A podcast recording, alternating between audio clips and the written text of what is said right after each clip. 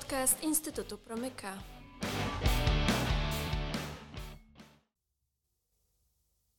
Dzień dobry Państwu, witam w kolejnym podcaście Instytutu Promyka. Dzisiaj jest ze mną pani Lidia Zapłocka-Żydka, psycholog, psychoterapeuta, wykładowca akademicki.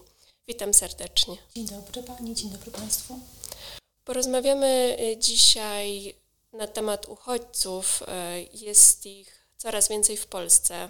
E, też e, z biegiem czasu, kiedy oni do nas e, przyjeżdżają, to jak się mogą Państwo spodziewać, no, przywożą ze sobą pewne traumy wojenne. I dzisiaj chcę Panią psycholog zapytać o to, czego możemy się spodziewać, jak pomóc takim ludziom, jak z nimi rozmawiać i w ogóle jak się zachowywać. Na początek, jakby mi Pani powiedziała, czy to od razu widać, że taka osoba y, ma jakąś traumę, czy, czy od razu jesteśmy w stanie rozpoznać taką osobę, czy czasami rozmawiamy normalnie, a gdzieś tam w środku to jest i, i z czasem się objawia? Trauma jest czymś, e, co rzeczywiście może być zauważone po pewnym czasie. I myślę sobie, że zasadniczo to, co należy zrobić, to przede wszystkim być z drugim człowiekiem, z uchodźcą, z osobą, która ucieka od wojny, w takim zwyczajnym ludzkim kontakcie, czyli um, zauważyć osobę z godnością, z szacunkiem, przywitać i tak się do niej odnosić, nie tyle wyczekiwać tak jakichś dziwnych zachowań, czy zachowań, które mogłyby świadczyć o traumie, ale bardziej być uważnym na to, czego w danym momencie ta osoba potrzebuje. Dlatego, że osoby, które do nas przyjeżdżają i uciekają od wojny, one po pierwsze przyjeżdżają od ponad dwóch miesięcy, są na bardzo różnym etapie doświadczenia wojny, są też e, na bardzo, mają bardzo różne też zasoby, różne możliwości, e, różną znajomość Polski innych krajów. Tutaj nie ma jednej odpowiedzi bardzo ważne jest, by po prostu obserwować i być zwyczajnie mm, otwartym, dobrym człowiekiem, tak bym powiedziała. Mhm. Czy w takim razie są rzeczy, których absolutnie nie powinniśmy robić y, z definicji w kontaktach z takimi osobami? Ja bym powiedziała bardziej, e, czy zaczęłabym od tego, co powinniśmy robić i to, co, to o czym mówię, e, zapewnić bezpieczeństwo, i obserwować, jakie są potrzeby tych osób na ten moment, a przede wszystkim chyba, znaczy nie chyba, jestem przekonana, wyzbyć się takiego naszego wyobrażenia tego, jaki powinien być uchodźca czyli jak powinien wyglądać, jak powinien się zachowywać, bo przede wszystkim to są po prostu ludzie, którzy e, mieszkali, żyli sobie, mieli plany, mieli swoje sprawy, różne doświadczenia i w pewnym momencie musieli uciekać z miejsca, które najczęściej było ich ukochanym miejscem. Najczęściej, bo też nie zawsze. Mm, zatem ja bym bardziej, e, ja bym nie szła przez takie zaprzeczenie, czego nie robić. Co robić? Tym momencie, być uważnym, obserwować, odpowiadać na potrzeby. No i gdy mówimy, czego nie robić, to nie narzucać swojego sposobu rozumienia i swoich potrzeb. Coraz częściej spotykam się z takim doświadczeniem osób, które pomagają uchodźcom, że są zaskoczeni, że ta pomoc na przykład nie jest przyjmowana albo oczekiwana jest inna pomoc. Jestem przekonana, że w dużym stopniu wiąże się to z tym, że osoby, które chcą pomóc, mają bardzo dobre intencje, mają jakieś wyobrażenie, jak ta pomoc powinna wyglądać. My często pomagamy przez siebie, wyobrażając sobie, czego ja bym potrzebowała. I gdy pani mnie pyta o to, czego nie robić, no to myślę sobie oddzielić to, czego ja oczekuję, albo wyobrażam sobie, że ktoś oczekuje, od tego, czego może oczekiwać ta osoba, której chcemy, jesteśmy gotowi e, udzielić pomocy. Mhm. Wspomniała Pani, że przede wszystkim zapewnienie poczucia bezpieczeństwa. Czym to bezpieczeństwo przede wszystkim mogłoby być? W pierwszej fali mm, i w ogóle na, nadal osoby, które przyjeżdżają tutaj i mają bardzo, bardzo różne y, doświadczenia i często są to osoby, które przez wiele dni czy nawet tygodni e, były w schronie albo przejeżdżały z miejsca na miejsce już w Ukrainie, tak, podróżując ze wschodniej Ukrainy przez całą tutaj do nas do Polski. Więc on, one uciekały do bezpiecznego miejsca, czyli dosłownie to ma być miejsce, y, gdzie, gdzie jest schronienie, gdzie jest ciepło, gdzie jest jakieś, y, gdzie jest żywność, gdzie jest informacja co można zrobić dalej. To jest to poczucie bezpieczeństwa. Na zasadzie możesz tutaj być, e, to jest, twoje, to jest twoje, Twój pokój, czy, czy, czy kawałek jakiejś przestrzeni w tym momencie, no bo to w różnych momentach możemy spotykać się mm, z osobami, wolontariusze na różnym etapie pomagają. I przede wszystkim informowanie tu możesz otrzymać taką pomoc, tutaj może być, e, możesz otrzymać informacje, gdzie możesz pojechać dalej. To, co wprowadza niepokój, e, w, na przykład w kraju, w którym już nie słychać bombardowania, tak, nie ma strzelaniny, to to, że my nie wiemy, co robić dalej. W każdej sytuacji my czujemy taki niepokój, jeśli nie wiemy, co robić. Zatem również informowanie, co w danym miejscu ta osoba może uzyskać, gdzie może zgłosić się dalej, to jest bardzo ważne. Mhm. Czyli na przykład, jeżeli przyjmujemy, decydujemy się przyjąć kogoś do domu, to jak rozumiem, ważne jest to, żeby wygospodarować jakiś kawałek przestrzeni dla takiej osoby, gdzie ona będzie mogła odpocząć od innych, uspokoić się, no po prostu mieć swoją, swoją przestrzeń. Bardzo mi się podoba takie określenie, jak czytam e, o osobach, czy rozmawiam z osobami, które przyjmują e, uchodźców, że mówią, że to są nasi goście. Tak, na przykład moi goście potrzebują tego i szukają gdzieś wsparcia mm, ci przyjmujący w innych grupach.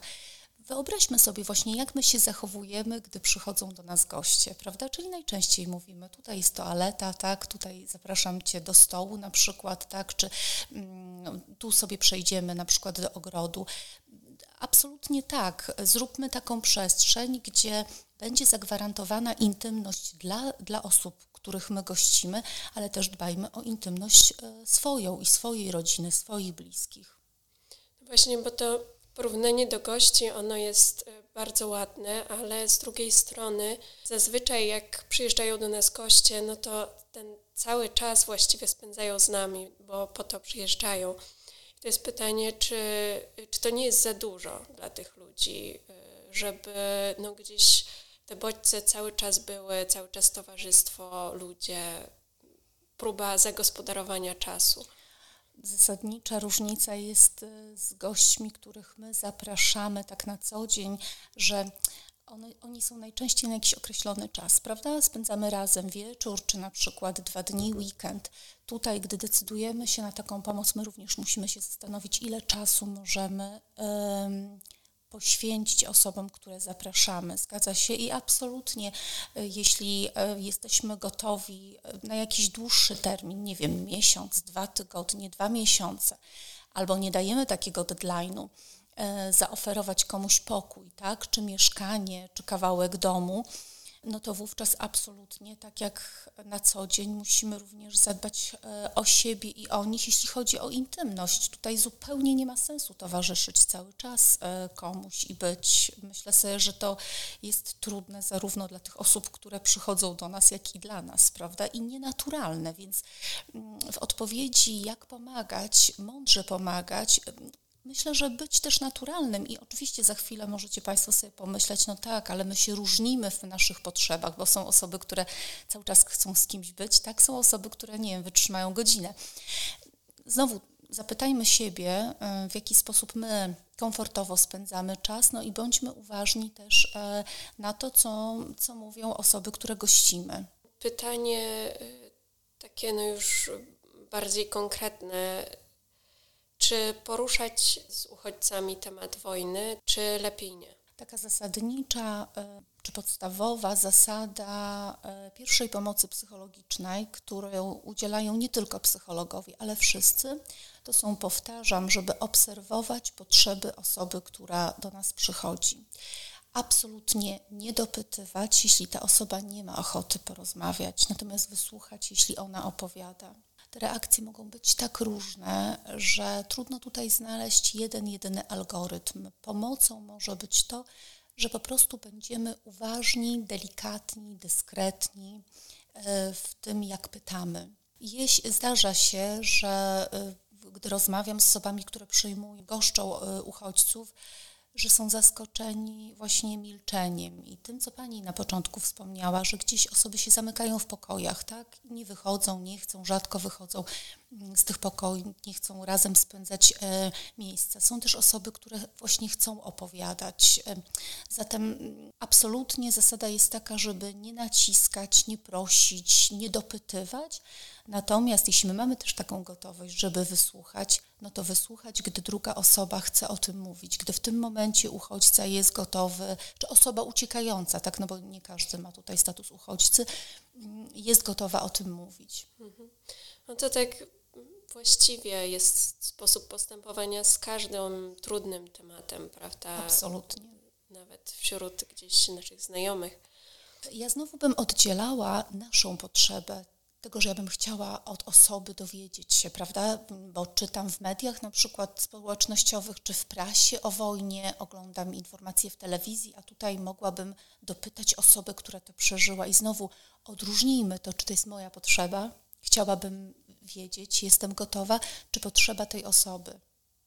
To jest y, też coś, co ja słyszałam od osób, które mają więcej styczności y, z, tym, z Ukraińcami, którzy przyjechali E, że zmienili podejście właśnie takie, które gdzieś tam w mediach społecznościowych się pojawiało szczególnie na początku, czyli gdzieś robienie zdjęć, wstawianie, e, chwalenie się nimi. I, i, i ci ludzie mówią, no, że, że oni już w tej chwili nigdy by tego nie zrobili, no bo traktują ich po prostu jak ludzi, którzy obok żyją. I... To jest bardzo ważne. Jak Pani na początku mnie zapytała o to poczucie bezpieczeństwa, mm, myślę sobie, że tutaj ważne jest, żeby podkreślić e, właśnie to, czy to, co mnie w kraju, e, do którego uciekłam, uciekłem, otacza, czy to jest dla mnie hmm, właśnie bezpieczne pod takim kątem indywidualnym, bo wyobrażam sobie, że nie każdy lubi być fotografowany, nie każdy ma ochotę na to. Zgadza się? Oczywiście. Musimy pamiętać naprawdę o takim podmiotowym traktowaniu. Naprawdę podmiotowym i wyobrażam sobie, że z chęci pomocy czasami mogą dochodzić, być nieporozumienia, bo ja mam takie wyobrażenie, prawda, że dobrze będzie, jak zrobimy zdjęcie, zdjęcie ze mną, osobą, która gości. Natomiast ta osoba w ogóle może nie mieć takiej potrzeby. I znowu wracam do podstawowej zasady. Obserwujmy, pytajmy, czy sobie życzy, czy chce, czy nie chce. Uszanujmy, jeśli nie chce. Oczywiście. Niby to są takie podstawy gdzieś funkcjonowania e, w społeczeństwie, no ale w tej sytuacji, która nam, dla nas jest wyjątkowa i skrajna, gdzieś one nam umykają czasami. I to jest klucz chyba, bo my w pomaganiu e, oczywiście e, kierujemy się intencją, ale myślę, że e, w nas również może być sporo lęku. I ten lęk czasami może utrudniać e, nam funkcjonowanie, czy po prostu sprawiać, że my pomagając zapominamy o takich zwyczajnych zupełnie mm, zasadach kontaktu, dobrego kontaktu z drugim człowiekiem, tak? I szukamy odpowiedzi na pytania, jak pomagać. No, no, no, naturalnie pomagać, zgadza się? Natomiast z lęku możemy czuć, e, czy obawiać się właśnie, że zrobimy coś niewłaściwie, czy za, czy za dużo, czy za mało. Coraz więcej osób e, obserwuje przede wszystkim u dzieci i to, to już nie tylko w przypadku no, rodzin, które przyjęli, przyjęły te osoby do domów, ale w sytuacjach takich społecznych, czy, czy w szkole, w przedszkolu, na jakichś wycieczkach, w odpowiedzi na jakieś bodźce, takie, na które my zupełnie nie zwracamy uwagi, te dzieci y, się bywa, że chowają gdzieś pod stół, pod ławkę. Jakich reakcji tego typu y, możemy się spodziewać, że one się będą pojawiały? Znowu bardzo różnie. To, co Pani już powiedziała, że na przykład e, przy dźwięku jakiejkolwiek syreny, alarmu, przy nagłym huku, dziecko może schować się pod stół, może zakryć rączkami główkę, tak, może y, zamknąć drzwi w toalecie i nie chcieć wyjść, tak? E, szukając tam na przykład bezpiecznego miejsca, bez okien, bez, bez szyb żadnych. E, zgadza się? Musimy pamiętać, że to może być właśnie taka naturalna reakcja na dźwięk, który przypomina na przykład e, no, sytuację, którą, którą dziecko słyszało w Ukrainie, tak? I było związane na przykład z bombardowaniem. To, co jest bardzo ważne, to to, żebyśmy mówili o tym, żeby opiekunowie, wolontariusze, nauczyciele, wychowawcy mieli tego świadomość. I, i, i też taką gotowość na to, że mm, reakcje mogą być bardzo różne. Nie ma listy takiej skończonej zachowań dziecka, tak samo jak człowieka dorosłego. Co w takiej sytuacji, y, kiedy, kiedy dziecko tak zareaguje? Co powinniśmy zrobić jako osoby dorosłe, czasami opiekunowie? Najważniejsze jest, żebyśmy my sami byli spokojni i stabilni. Tak, żebyśmy sami się tego nie wystraszyli i mm, tego strachu nie pokazywali dziecku. Być przy nim. Tak, to jest ważne, żeby tak organizować pomoc, jeśli zajmujemy się gromadką dzieci, żeby druga osoba mogła zostać z dziećmi pozostałymi, a my moglibyśmy, my możemy przy tym dziecku zostać, tak? Jak ono usiądzie, schowa się pod stół, kucnijmy, poczekajmy, zaprośmy, żeby wyszło, tak? Po prostu bądźmy przy nim.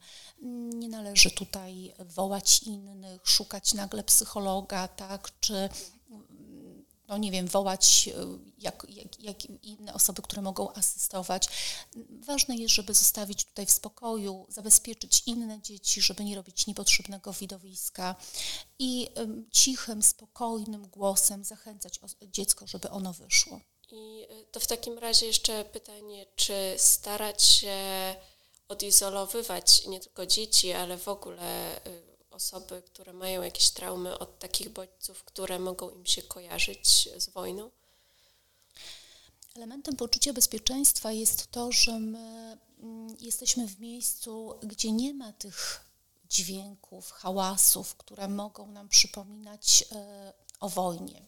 Do końca nie da się e, odizolować. Zgadza się? No bo na przykład w Warszawie tak dużym mieście co chwilę słyszymy karetkę przejeżdżającą. Bardziej myślę, że mm, informowanie o tym, że jesteśmy na przykład na terenie, czy w takim centrum miasta, albo na przykład okolica, która, mm, w której jesteśmy, to jest okolica blisko szpitala, więc te karetki bywają, y, często mm, przejeżdżają, więc taka informacja może pomóc szczególnie osobom dorosłym, tak, które są świadome i mo mogą wytłumaczyć, co się dzieje taka rzecz, która pomaga osobom uciekającym od wojny mm, korzystać ze swoich możliwości i stabilizować e, uczucie i radzi, uczucia i radzić sobie lepiej, to jest to, jeśli dajemy im możliwość samostanowienia, działania i sprawczości.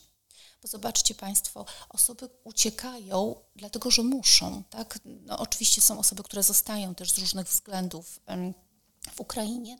Natomiast tak naprawdę no, mm, osoby uciekające przed, woj przed, przed wojną uciekają przed zagrożeniem, e, czyli tracą z jednej strony sprawczość, bo może często chciałyby tam zostać i być.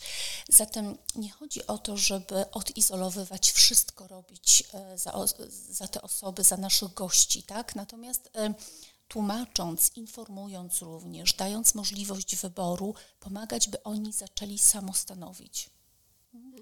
To na pewno wymaga czasu i też znowu ja podkreślam, zależy od tego, czego dana osoba doświadczyła. To bywa bardzo, to, to jest bardzo różne. Są osoby, które świetnie sobie radzą, przyjeżdżają tutaj planują zaraz powrót na Ukrainę, tak? A są też takie osoby, które będą potrzebowały pomocy specjalistycznej. Tak? I tutaj bardzo ważne jest, żeby wiedzieć, że pomoc psychologów, terapeutów, psychiatrów bywa czasami niezbędna. Ale też um, chcę Państwu podkreślić, że nie każda osoba uciekająca um, z Ukrainy potrzebuje takiej specjalistycznej pomocy. Miejmy tego świadomość.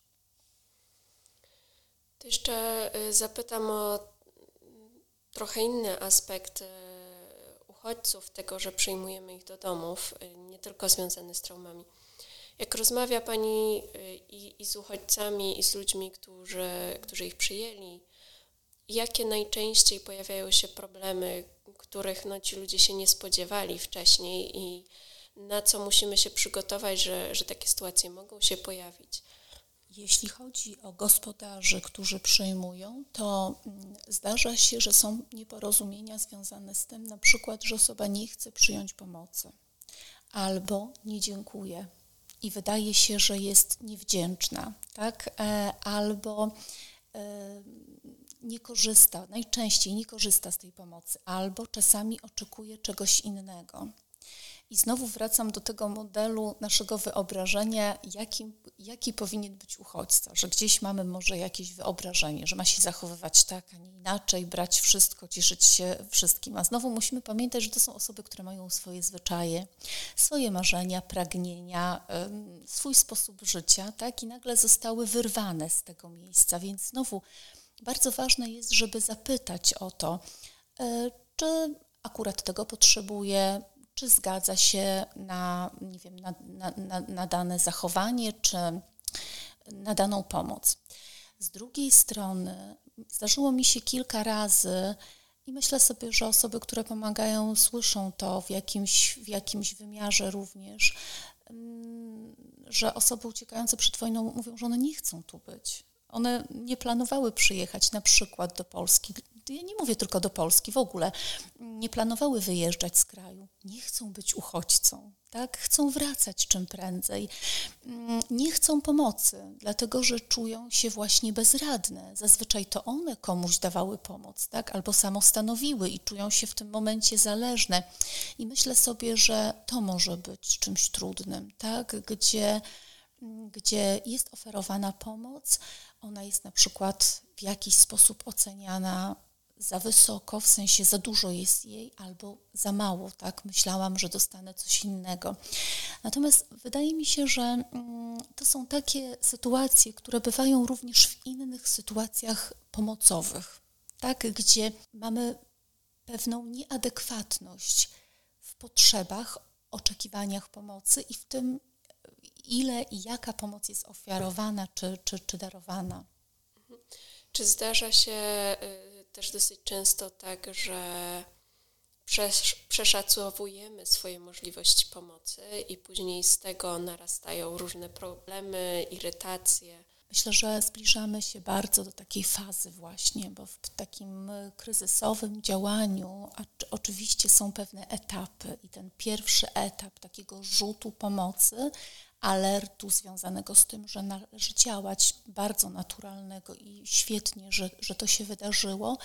Ten pierwszy etap no, nie może trwać w nieskończoność. My, jako osoby, które pomagają czy goszczą, również musimy odpoczywać i dbać o te zasoby. Tutaj to jest bardzo ważne, żeby o tym pamiętać. I tak jak na początku rozmowy mówiłyśmy o tym, że ważne jest, żeby naszym gościom zapewniać intymność, również ważne jest, żebyśmy również mieli możliwość zadbania o swoją intymność, o swój rytm dotychczasowy, tak? Zatem absolutnie y, zdarza się tak, że jeśli osoby pomagające nie dbają o siebie, o swój odpoczynek, o swój komfort, z czasem wypalają się, tak? I po prostu przestają mieć siłę na to, żeby pomagać. Są bardziej drażliwe na przykład, albo pojawiają się pewne nieporozumienia częściej.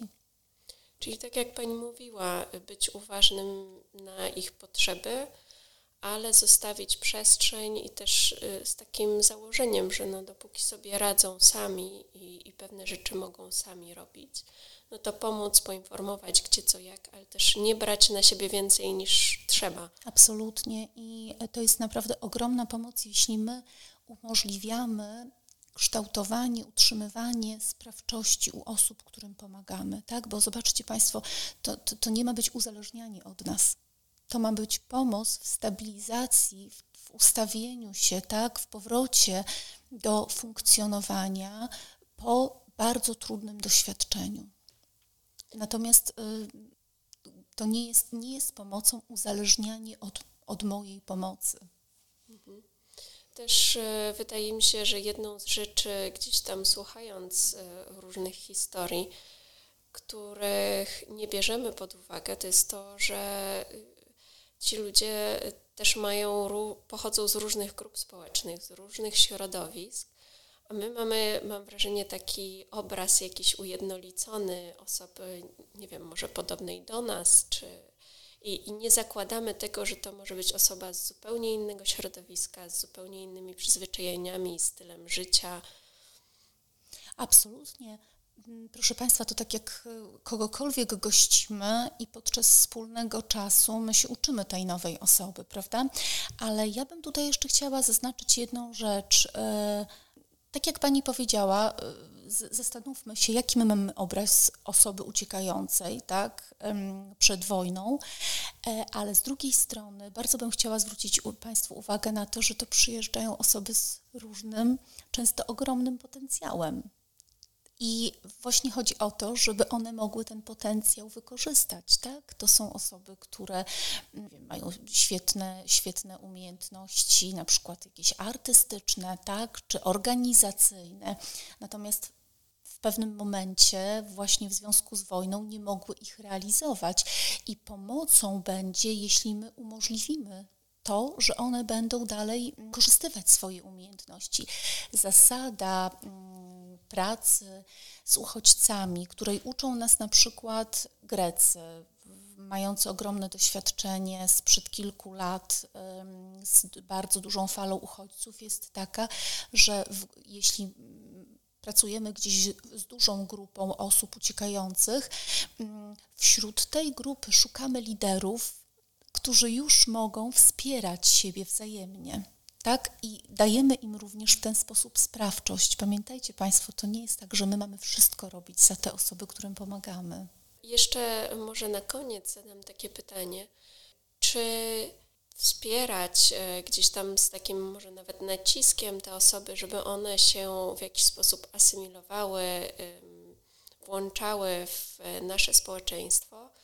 Czy gdzieś pozwolić im też na to, żeby albo może nawet nie pozwolić, ale zostawić je czasami w swoim środowisku, bo wiemy, że najczęściej Ukraińcy i najchętniej przyjeżdżają do dużych miast również dlatego, że po prostu jest ich tam dużo.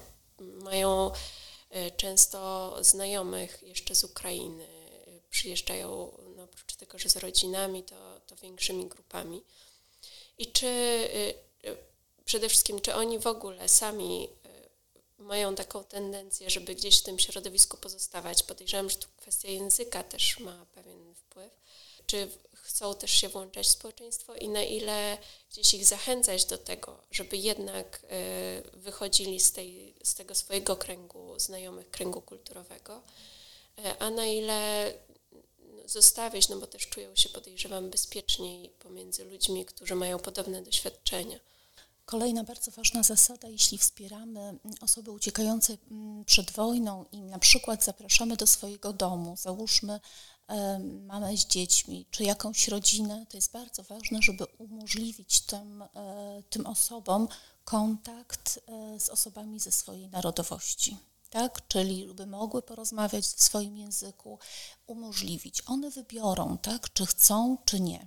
To, to, to jest bardzo ważna zasada, która, tak jak Pani powiedziała świetnie, daje poczucie bezpieczeństwa, tak, że gdzieś mogę z kimś porozmawiać. I też jak mm, miałam um, wiele rozmów z osobami goszczącymi Ukraińców i oni się dziwili na przykład, że e, przyjechały na przykład trzy osoby i cały czas spędzają czas tylko ze sobą, albo tylko ze sobą chodzą wszędzie. To jest naturalne, prawda? Chcą być blisko, to im pomaga bardzo często, to buduje poczucie bezpieczeństwa. Idąc dalej mm, i, i, i pytając o kwestię asymilacji, mm, proszę Państwa, w ogóle przejazd z, z kraju do kraju i gdybyśmy sięgnęli do procesów ale imigracji, w ogóle migracji, tak, co, co jest czymś troszeczkę innym, ma pewne swoje etapy. I badania pokazują, że mm, najlepiej funkcjonują osoby, które dobrze czują się w danym kraju, bo znają zasady tego kraju, ale wiedzą też, e, gdzie są ich korzenie, tak? Czyli nie taka zupełna, takie zupełne wchłonięcie, czy taka totalna asymilacja w danym, mm, w danym kraju. I jak dzisiaj sobie rozmawiamy o takim goszczeniu, prawda, i o gościnności, że to są goście, my jesteśmy, czy ktoś tam jest gospodarzem, to ja bym sobie, ja bym zaproponowała taką analogię. Wyobraźmy sobie, że gospodarze danego domu wszystkie napoje piją z filiżanek. No i to proponują również e, osobom, które do nich przychodzą w goście. No i można wypić z filiżanki, ale czy to będzie zawsze tak samo smakowało, czy, tak, czy, czy, czy te osoby, które e, przychodzą w goście, zawsze będą już chciały pić z filiżanek? No, znowu musimy dać wybór, tak? Możemy coś proponować zgodnie mm, z naszą kulturą, z naszą historią, tak? Z naszymi tradycjami, ale proponować. Czyli podsumowując, być uważnym, nie mieć oczekiwań jakiegoś e, obrazu stworzonego przed tym, jak przyjadą. Czyli poznawać, prawda? Poznawać tak. po prostu, mieć taką otwartość na poznawanie. Mhm. I zachować umiar. Za, za, no taki um, zachować umiar, um, to wynika z tej e, uważności. Ja bym jeszcze podkreśliła to takie odróżnienie, um, co według mnie jest dobrą pomocą, tak? Mhm. I co ja bym chciała dać, a co, czego potrzebuje dana osoba. Dziękuję bardzo z Panią Lidią. Bardzo miło nam było e, porozmawiać i gościć i myślę, że bardzo wielu osobom e, te rady się przydadzą. Bardzo dziękuję jeszcze raz i do usłyszenia. Dziękuję, do widzenia.